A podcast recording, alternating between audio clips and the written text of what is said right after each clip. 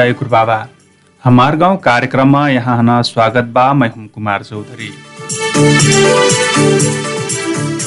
हमार गाउँ रेडियो कार्यक्रम गुरुबाबा एफएम उनानब्बे दशमलव सात मेगाहर से मंगरक बुधको शनिचरक बिहान साढे सात बजे प्रसारण हुइना करट उसेक Babai FM Gulariya Sathi FM Rajapur Ramgyan FM Madhuban radio FM टाइगरपुरी गाउँ भुमर भवानी एफएम अगैया बाँके हातेमालो एफएम जानकी गाउँपालिका ओ प्रतिबोध एफएम कोहलपुर से फे यह बेला सुन सेकबी।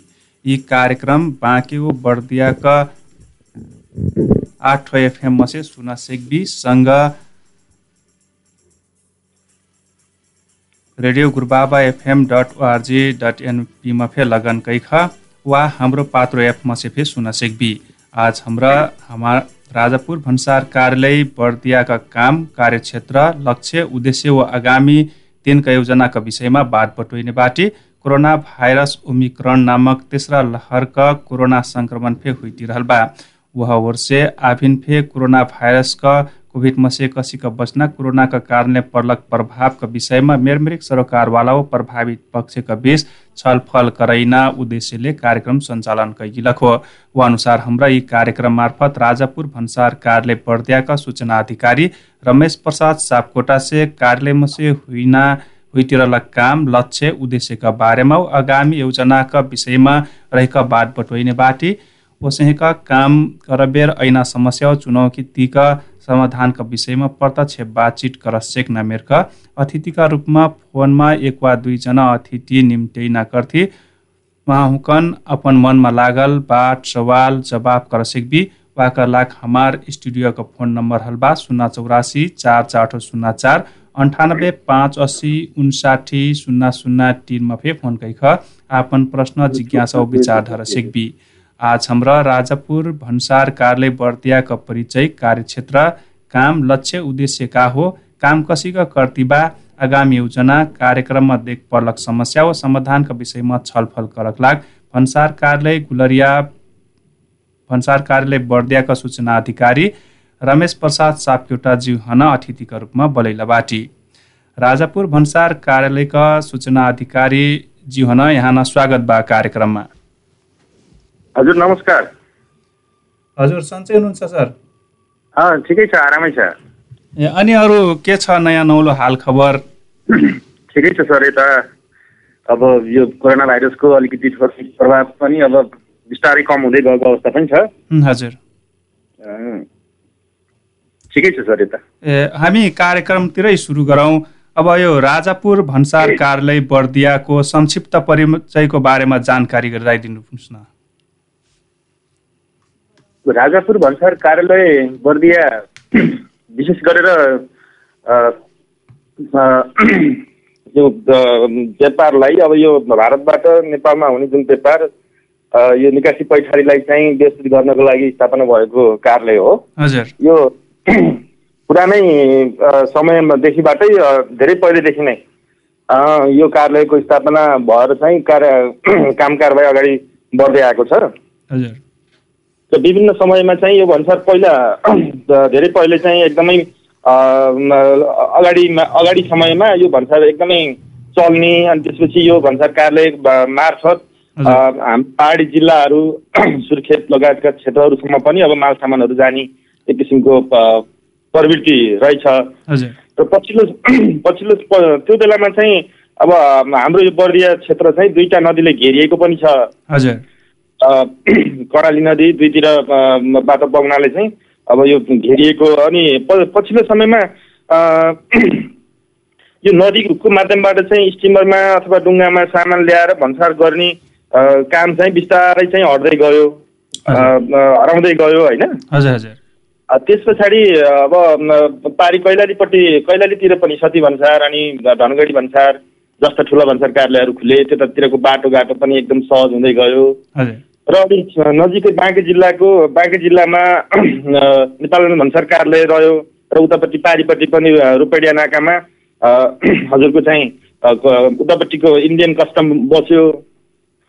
र अनि हाम्रो यो बर्दिया जिल्लामा चाहिँ अहिले पारिपट्टि हाम्रो छिमेकी देश भारत भारतको साइडमा अहिले राष्ट्रिय निकुञ्ज त्यतातिर घोषणा गरेको गर्यो। त्यो गरेका कारणले गर्दाखेरि चाहिँ हाम्रो राजापुर भन्सार अ, त्यति धेरै निकासी पैठारीमा चाहिँ अहिले नभइकन विशुद्ध यो चोरी पैठारीसँग सम्बन्धित अ, माल वस्तुहरू चाहिँ विभिन्न सुरक्षा निकायहरूले सुरक्षा निकायका माध्यमबाट यो कार्यालय चाहिँ अहिले चलिरहेको छ र हाम्रो वार्षिक चालु आवमा वार्षिक लक्ष्य दुई करोड दस लाख तेत्तिस हजार वार्षिक लक्ष्य हामीले पुरा गर्नुपर्ने छ। यसरी चाहिँ अगाडि बढिरहेको छ सर। अब राजापुर भन्सार कार्यालय बर्दियाको कार्यक्षेत्र पहिले कुन कुन ठाउँबाट सञ्चालन भइरहेको छ? पहिला त आठवटा ठाउँबाट यो बर्दियाबाट यो छोटी भन्सारको रूपमा सञ्चालन हुन्थ्यो। अहिले कतिवटा स्थानबाट सञ्चालन भइरहेको छ खुल्ला छ? अहिले हाम्रो राजापुर भन्सार कार्यालय अन्तर्गत हाम्रा चाहिँ आठवटा छोटी भन्सार कार्यालयहरू थिए पहिला। हजुर। त्यसमध्ये हाल सञ्च सञ्चालनमा रहेको भनेको चाहिँ एउटा गुलेरिया छोटी हजुर। र एउटा ताराताल छोटी। हजुर। दुईटा छोटी कार्यालयहरू छन्। हजुर। र राजापुर भन्सार र अब राजापुरमा मूल भन्सार चाहिँ राजापुर रहेको छ। हजुर। र अन्य हाम्रा पुराना चाहिँ छोटी कार्यालयहरू चाहिँ जस्तो टपरा हजुरको धनौरा छेरापुर। पडरिया कुठियाघाट गणेशपुर यी हाम्रा छोटीहरू चाहिँ बन्द अहिले सञ्चालनमा नरहेको अवस्था छ यो के कारणले बन्द हुने पुग्यो नेपाल सरकार अर्थ मन्त्रालय भन्सार विभाग अन्तर्गतको जुन हाम्रो चाहिँ सङ्गठन संरचना छ हजुर त्यसमा हाम्रो दरबन्दी चाहिँ हजुरको बाइसजनाको टोटल दरबन्दी हामीलाई चाहिँ बाइसजनाको दरबन्दी हो हजुर हजुर तर अहिले यहाँ चाहिँ हामी कर्मचारीको हकमा जम्मा कार्यालय सहयोगी सह- सहित हामी जम्मा आठजना छ- आठजना छौँ। त्यो आठजनामा पनि हामी कसरी कार्यालय सञ्चालन गरेका छौँ भन्दाखेरि चाहिँ दुईजना एकजना चाहिँ तारातालमा रहनु भएको छ एकजना राजापुर मूलमा हुनुहुन्छ। र चारजना चाहिँ हामी पाँचजना गुलेरिया छोटी अन्तर्गत रहेका छौँ हजुर त्यसमा दुईजना कार्यालय सहयोगी हुनुहुन्छ। र दुईजना हामी चाहिँ कर्मचारीहरू छौँ हजुर अनि जब नेपाल सर यो कोरोनाको महामारी पछाडि चाहिँ जब बिस्तारै कम भइसकेपछि नेपाल सरकारले पनि अस्थायी पैसारी जुन गर्ने जुन व्यवस्था गर्यो त्यस पछाडि हजुरसँग यो कार्यक्रममा बोल्दै गर्दा बाहिर चाहिँ अस्थायी पैठारी गर्ने विशेष गरेर गाडी मोटर होइन मोटरसाइकलहरूमा आउने जुन चाहिँ हाम्रो पैठारी कर्ताहरू चाहिँ अब लाइनमा बस्नु भएको छ। अब हामी यहाँ जम्मा दुईजना कर्मचारी छौँ का कार्यालय सञ्चालन गर्न चाहिँ गाह्रै छ। एकदमै अप्ठ्यारी अवस्था सिर्जना भएको छ। एकजना श्रोता हाम्रो टेलिफोन सम्पर्कमा जिज्ञासा लिएर आइसक्नु भएको छ। उहाँलाई स्वागत गरौँ अनि फेरि कार्यक्रमतर्फ प्रवेश गर्ने नै छौँ। हेलो। हजुर नमस्कार। कहाँदेखि को बोल्नु भएको छ? हजुर यहाँको जिज्ञासा राख्नुहोस्। हाम्रो सूचना अधिकारी जिज्ञासा चाहिँ यस प्रकार छ। सूचना अधिकारीज्यूलाई अ, जस्तै सरस्वती हेर्दाखेरि हामी किसानहरूले किसानकै पक्षबाट बोल्नु पर्ने भएकोले म किसान हुँ र किसानहरूले कुनै पनि सरसामान ल्याउँदा भनौँ न बिउ बिजन लगायत घर काजको लागि ल्याउँदा पुलिसहरूले हामीलाई समात्ने गर्छन्। तर चाहिँ तस्करहरूले माल लाँदा र ल्याउँदा देख्दाखेरि त हामी दङ्ग हुन्छौँ। हामी अलिकति सामान ल्याउँदा पुलिसले हामीलाई समात्ने। त्यस कारणले यसको लागि के छ के गर्दा राम्रो हुन्छ भन्ने चाहिँ मैले उहाँलाई भने र साथै के छ भने अहिले किसानलाई धेरै आवश्यकता के छ भनेदेखि यो बसन्ते मकै लगाउनु पर्ने आजकल यो बैशाखी सागसब्जी गर्नुपर्ने भएकोले त्यसको लागि अहिले हाम्रो यतातिर कहीँ पनि डेपी युरियाहरू पाइरहेका छैन बडो समस्या छ। त्यसलाई ल्याउँदा के के कस्तो छ त्यसको लागि पनि उहाँले हामीलाई बताइदिएको भए हुन्थ्यो। र साथै म के भन्न चाहन्छु भने यत्तिकै ल्याउन पाइएन भने किसानलाई कसरी पहिचान गराउने र किसानको पहिचान सहित खुल्ने गरी चाहिँ के व्यवस्था हुन्छ त्यो भइदिएको भए धेरै राम्रो हुन्थ्यो। र हामी किसानले चाहिँ सर्वसुलभ रूपमा हाम्रो देशले उपलब्ध गराउन नसकेको खण्डमा खादहरू रासायनिक मलहरू ल्याउन पाएको भए हामी आभारी हुन्थ्यौँ भन्ने मेरो जिज्ञासा सूचना अधिकारीज्यूसँग छ। हस् हुन्छ। धन्यवाद त्यहाँको। जिज्ञासाको लागि। रेडियो सुन्दै गर्नुहोला। हजुर सूचना अधिकारीज्यू सुन्नुभयो उहाँको जिज्ञासा? अ, हजुर धन्यवाद। एकजना किसानले जुन समस्या राख्नुभयो त्यो एकदमै सराहनीय छ मार्मिक छ। यो विषय जुन पुलिसले हामीले ल्याउन नपाउने अब अरूले चाहिँ ल्याउने भन्ने जुन विषय रह्यो यो विषयमा चाहिँ विशेष गरेर राजापुर भन्सार कार्यालय अन्त हामीले चाहिँ राजापुर भन्सार कार्यालयको हाम्रो पारिपट्टिको नाका यो चाहिँ अस्थायी पैठारीको लागि चाहिँ खुलेको छैन। र बर्दिया जिल्लामा विशुद्ध चोरी पैठारी नियन्त्रण गर्नको लागि यो भन्सारलाई चाहिँ अहिले पछिल्लो समय म्यान्डेट दिएको छ। त्यसरी हेर्दाखेरि अब जस्तो खाद मल खादका कुराहरू कृषि बिउ बिजनका कुराहरू जुन छन् सबभन्दा पहिला अब हामीले चाहिँ यी खाद्य कुराहरू ल्याउँदाखेरि क्वारेन्टाइन गरेर होइन नाकामा क्वारेन्टाइन इज फर्स्ट भन्छ। क्वारेन्टाइन चाहिँ त्यो चेक जाँच गरेर मात्रै ती विषादीहरू मल मल बिउ बिजनहरू होइन? ल्याउनु पर्ने हुन्छ। त्यो अवस्था पनि अब गुलेरियामा छैन। हाम्रो के अरे बर्दियामा त्यो व्यवस्था न छैन। त्यो भएको भएर अनि अर्को कुरो अब जस्तो यो नाका विशुद्ध चाहिँ चोरी पैठारी नियन्त्रण गर्ने नाकाको रूपमा चाहिँ अलि रहेको छ। हजुर सर। त्यो भएको भएर अब नेपाल प्रहरी सशस्त्र प्रहरी लगायत सुरक्षा निकायहरू अनि अब हाम्रो भन्सारको टोली यसले चाहिँ अब चोरी पैठारी गर्ने सन्दर्भमा चाहिँ नियन्त्रणका लागि काम गर्छ नै अनि गर्छ अर्को कुरो अब जस्तो किसानका अब हामीले ल्याउन पाए हुँदो भन्ने जुन किसिमको अथवा चाहिँ कहीँको सिफारिसका कुराहरू भन्नुभएको छ यो विषयमा चाहिँ अब नेपाल सरकार र वाणिज्य तथा आपूर्ति मन्त्र मन्त्रालयको बिचमा होइन। एउटा समन्वय भएर अथवा कुनै एउटा कुन माध्यमबाट ल्याउने भन्ने कुरा चाहिँ अब हाम्रो त तह तब्काबाट चाहिँ नभइकन यो चाहिँ माथिल्लो तहबाट चाहिँ निर्माण गर्ने कुरो हो। यो हामीले मात्रै तपाईँहरूले यसरी लिएर आउनुहोस् भन्न चाहिँ हामी सकिँदैन हामीलाई त तपाईँहरू चाहिँ त्यहाँ बसेर रासो छली त्यसपछि गएर चोरी पैठारी नियन्त्रण गर्ने सन्दर्भमा हामीलाई खटाएको छ। र उहाँलाई चाहिँ धन्यवाद। अब जिज्ञासा राख्नु भएकोमा। अब उहाँले के भन्नुभयो भन्दाखेरि अरू माल सामानहरू चोरी पैठारी तस्करहरूले गरिराखेको प्रत्यक्ष देखिन्छ दिनहुँ देखिन्छ। तर हामीले अब कृषकहरू केही मलहरू बिउहरू पनि ल्याउन नपाउने गुनासो गर्नुभयो उहाँले। ल्याउन सकिन्न ल्याउन दिनुहुन्न हामीलाई चाहिँ। तर तस्करहरू फेरि भारतबाट भन्सार छर्लेका अवैध सामानहरू नेपालतर्फ सधैँ भित्याउने गरेको देखिन्छ। यो किन यस्तो हो भन्ने कुरा पनि गर्नुभयो उहाँले। उहाँले राखेको अर्को जिज्ञासामा जुन ठाउँमा त्यसरी चाहिँ चोरी पैठारी अथवा चाहिँ निकासी तस्करहरूले चाहिँ ल्याउने भन्ने जुन कुरो छ जहाँसम्म त अब नेपाल प्रहरी हाम्रा सुरक्षा निकायहरू शस्त्र प्रहरी बोर्डरमा बिओपी आफ्नो बिओपी एफओबी अन्तर्गत चाहिँ बसिराख्नु भएको छ। उहाँहरूबाट नियन्त्रण उहाँ कतै कहीँ कतै अब उहाँहरूको आँखा छलेर ल्याउने त्यस्ता किसिमका सूचना अथवा जानकारीहरू हजुरहरूले प्राप्त गर्दाखेरि हामीलाई सिधै हाम्रो कार्यालयको सम्पर्क नम्बर जिरो चौरासी चार बिस नौ तेत्तिसमा फोन गरेर टिपाउन नि सक्नुहुन्छ र हामी तुरुन्तै त्यस्तो सूचना प्राप्त गरेपछि हामी चाहिँ जान्छौँ। सबै व्यापारी मजदुर सबैको चाहिँ बिचमा एउटा होइन? हामी कार्यक्रम पनि राखिराखेका हुन्छौँ बेला बेलामा। यो सहजीकरण कसरी गर्ने अथवा चाहिँ काम कस कसरी गर्ने हो? चोरी पैठारीलाई कसरी नियन्त्रण गर्ने हो भन्ने विषयमा चाहिँ हामीले कार्यक्रम पनि सञ्चालन गरिरहेका छौँ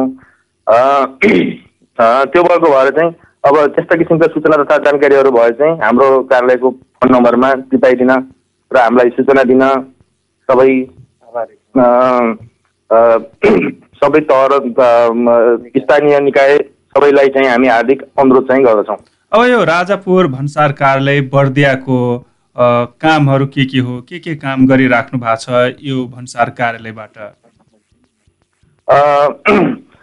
राजापुर भन्सार कार्यालयको विशुद्ध काम भनेको त छ हाम्रो अब अहिले चाहिँ चोरी पैठारी नियन्त्रण नै हो। चोरी जस्तो अब यो खुला सिमाना छ खुला सिमानामा चाहिँ हुन सक्ने सम्भावित चोरीका घटनाहरू निकासीका घटनाहरू पैठारीका कुराहरू यसलाई चाहिँ नियन्त्रण गर्नु र राष्ट्र सङ्कलन गर्नु हो हाम्रो। फेरि एकजना श्रोता हाम्रो टेलिफोन सम्पर्कमा आफ्नो जिज्ञासा लिएर आउनु भएको छ। उहाँको जिज्ञासा हामी लियौँ अनि फेरि कार्यक्रमतर्फ लाग्नेछौँ। हजुर हजुर नमस्कार। म राजापुर वार्ड नम्बर दुई बर्गरदेखि सुशील चौधरी बोलिरहेको छु। हजुर। मेरो जिज्ञासा के छ भनेपछि जुन भारतबाट अवैध रूपमा सामानहरू आउँछन् तिनीहरूलाई चाहिँ अब अवैध रूपमा सामान त्यति बेला कस्तो स- दण्ड सजायको कस्तो प्रावधान रहेको छ र तब जुन जफत गरेको सामानहरू छन् तिनीहरूलाई चाहिँ कसरी व्यवस्थापन गर्न गर्छ भन्सार कार्यालयले भन्ने जिज्ञासा रहेको छ। हस् हस् धन्यवाद यहाँको जिज्ञासाको लागि। हजुर।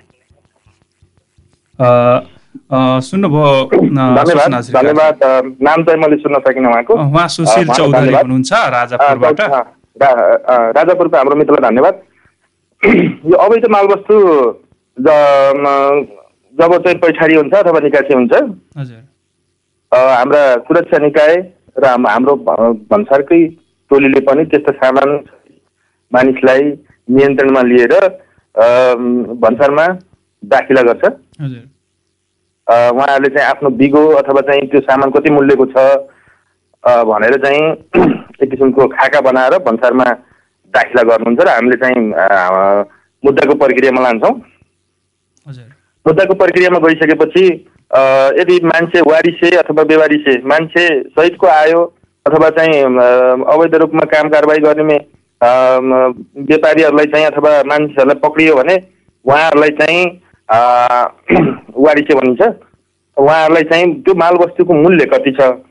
त्यो मालवस्तुको मूल्यको आधारमा उहाँहरूको सामान को बिगो कायम गरिन्छ। त्यो बिगोको आधारमा उहाँहरूले चाहिँ जस्तो कुनै अब सामान अथवा मेसिन लिएर आउनुभयो त्यो मेसिन कति मूल्य बराबरको हो? होइन?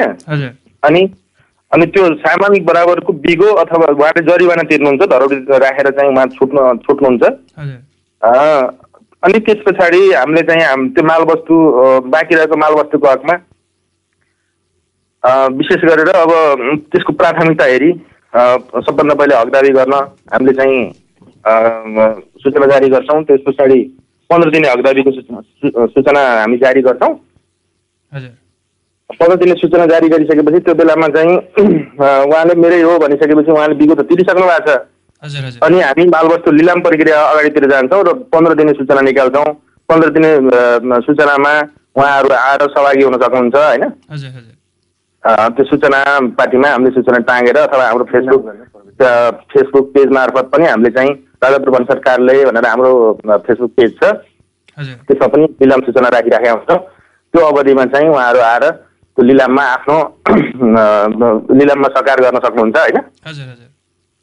यसरी चाहिँ मालवस्तु लिलाम गर्ने र त्यो त्यस परिपाटी छ सर।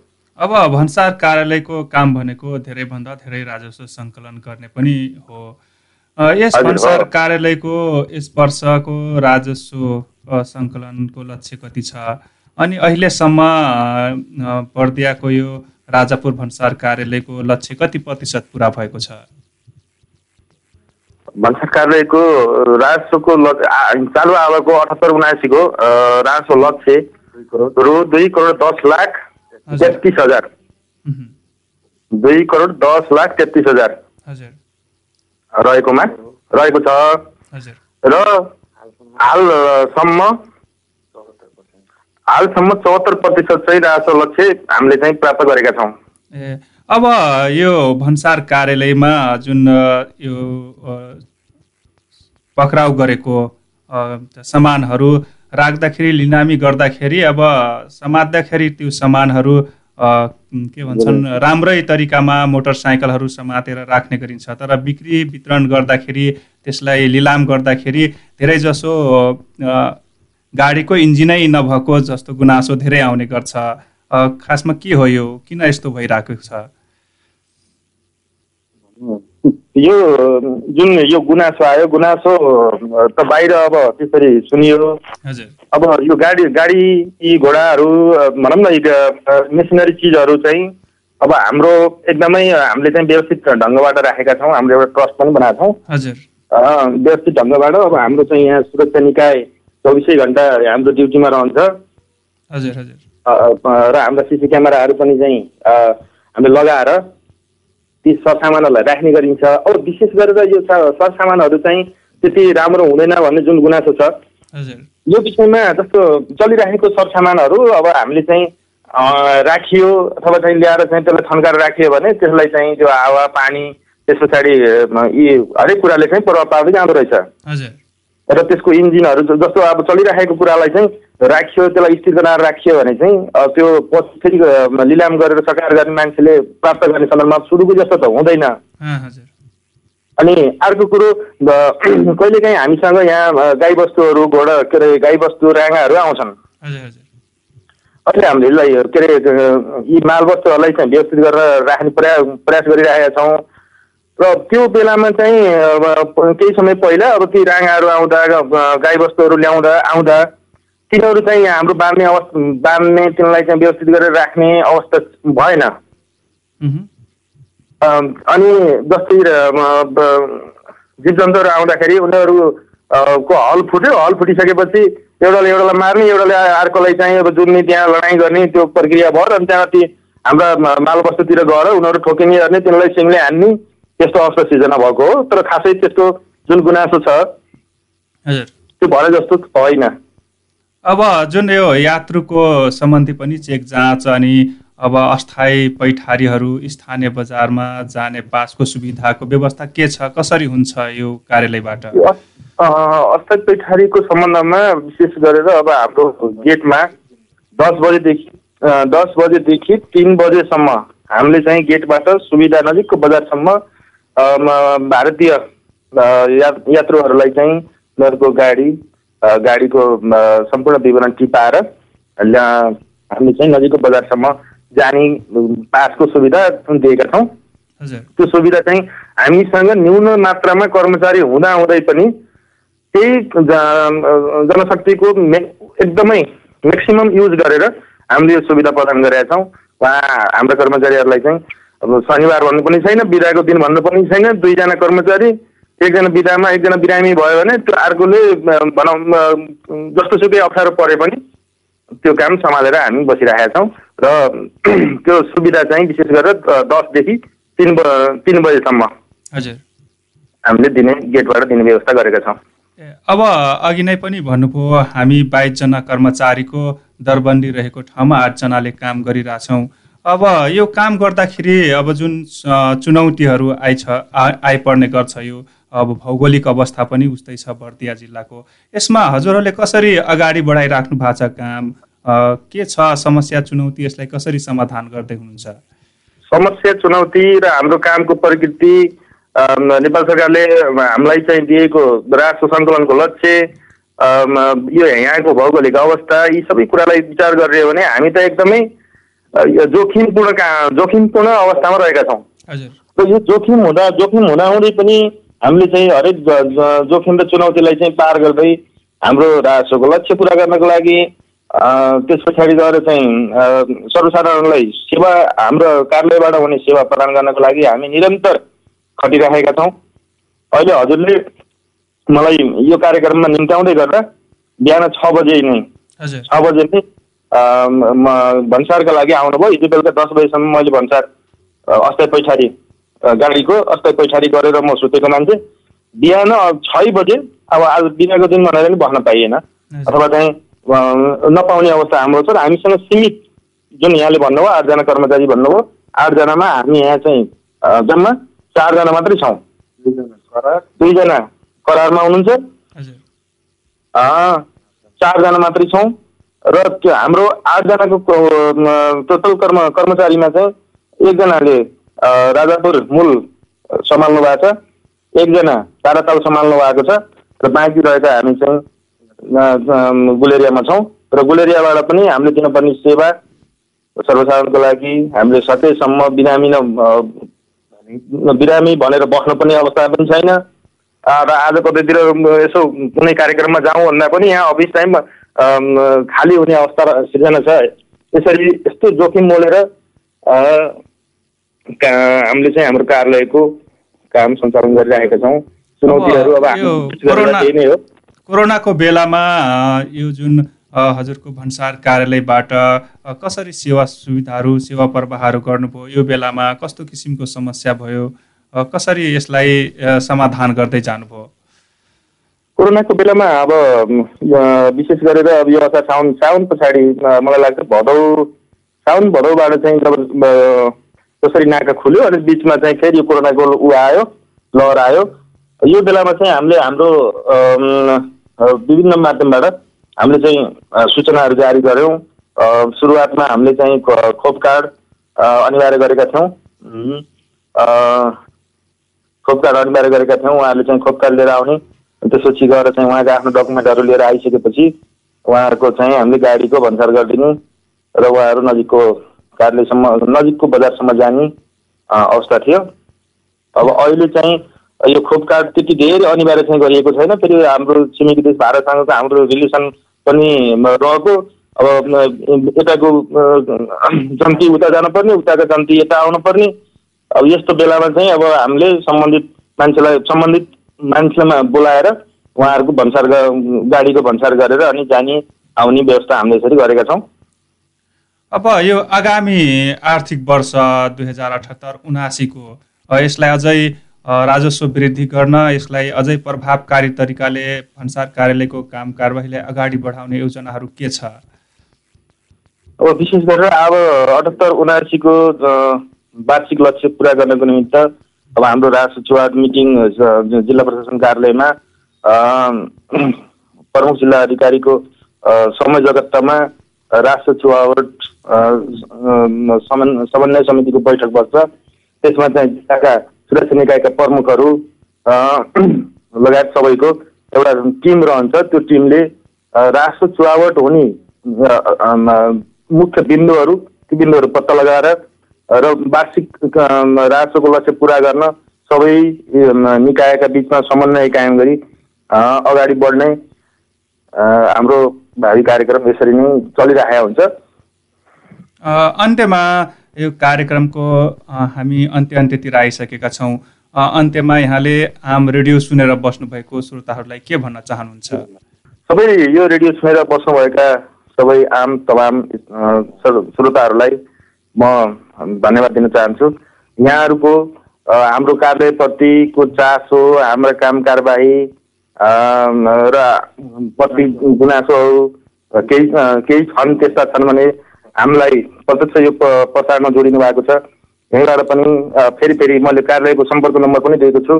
त्यही मार्फत हामीलाई गुनासो टिपाउन पनि सक्नुहुनेछ र त्यस्तो चोरी पैठारी चुहावट हुने क्षेत्रहरूमा यहाँहरूले देख्नुभएको छ। त्यस्ता किसिमको गलत क्रियाकलापहरू भइरहेका छन् भने यहाँले जानकारी दिन पनि सक्नुहुनेछ। त्यसलाई हामी तत्कालै हामीले हाम्रो हामीले भ्याएसम्म हामीले थाहा पाएसम्म हामीले आफ्नो तर्फबाट गर्नुपर्ने काम कारवाही रोक्नको लागि ती काम कारवाही रोक्नको लागि हामी प्र- प्रयत्न प्रयास गर्नेछौँ।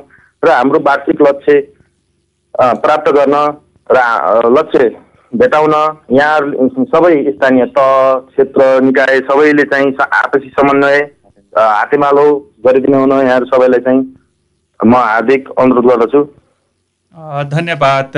यहाँको अमूल्य समय उपलब्ध गराइदिनु भएकोलाई भएकोमा यहाँलाई धेरै धेरै धन्यवाद। यस कार्यक्रम मार्फत गुरुबाबा ठाकुर बाबा एफएमले हाम्रो Gurubaba FM sir. Thakur Baba FM. Gurubaba FM Gurubaba. ए गुरु बाबा एफएम। गुरु बाबा एफएमले हाम्रो कार्यालयको कार्य प्रगति यहाँका चुनौती हाम्रा उद्देश्य लक्ष्यहरूका बारेमा चाहिँ यसरी आम श्रोताहरूमा आम श्रोताहरूमा जसरी जुन किसिमको खबर प्रवाह गर्नुभयो सूचना प्रवाह गर्नुभयो यहाँहरूलाई पनि यहाँहरूको टिम यहाँहरू सबैलाई चाहिँ हार्दिक धन्यवाद। नमस्कार भन्न चाहन्छु। धन्यवाद। आज कार्यक्रममा सहभागी सहभागी हुकनका जिज्ञासा सम्बोधन कैदेलकमा राजापुर भन्सार कार्यालय बर्दियाका सूचना अधिकारी रमेश प्रसाद सापकोटा चिउहन ढ्यार ढ्यार धन्यवाद। कार्यक्रममा सहभागी होकर आपन समस्या जिज्ञासा ढैक सहयोग करलकमा सक्कु प्रश्नकर्ता व अत्र बेलासम्म हमार बातचीत सुनदेलकमा अपना पे धन्यवाद। हाम्रा ऐना मगरक फे यह समयमा और अतिथि हन लेख नै बाटी। यी कार्यक्रमका विषयमा अपना कौनो सल्लाह जिज्ञासा बाकल से हमार स्टूडियो का फोन नंबर शून्य चौरासी चार चार शून्य चार अथवा अन्ठानब्बे पाँच अस्सी उन्साठी शून्य शून्य तिनमा फे फोन कैख आपन मनमा लागल सल्लाह जिज्ञासा ढर सेक्बी आजुक लाग प्राविधिक सङ्घरिया पुष्पा चौधरी पाक्यो बर्दियाका आठो एफएमका प्राविधिक सङ्घरिया फे ढ्या ढ्या धन्यवाद डेटी मै हुम कुमार फे बिदा जय गुरु बाबा।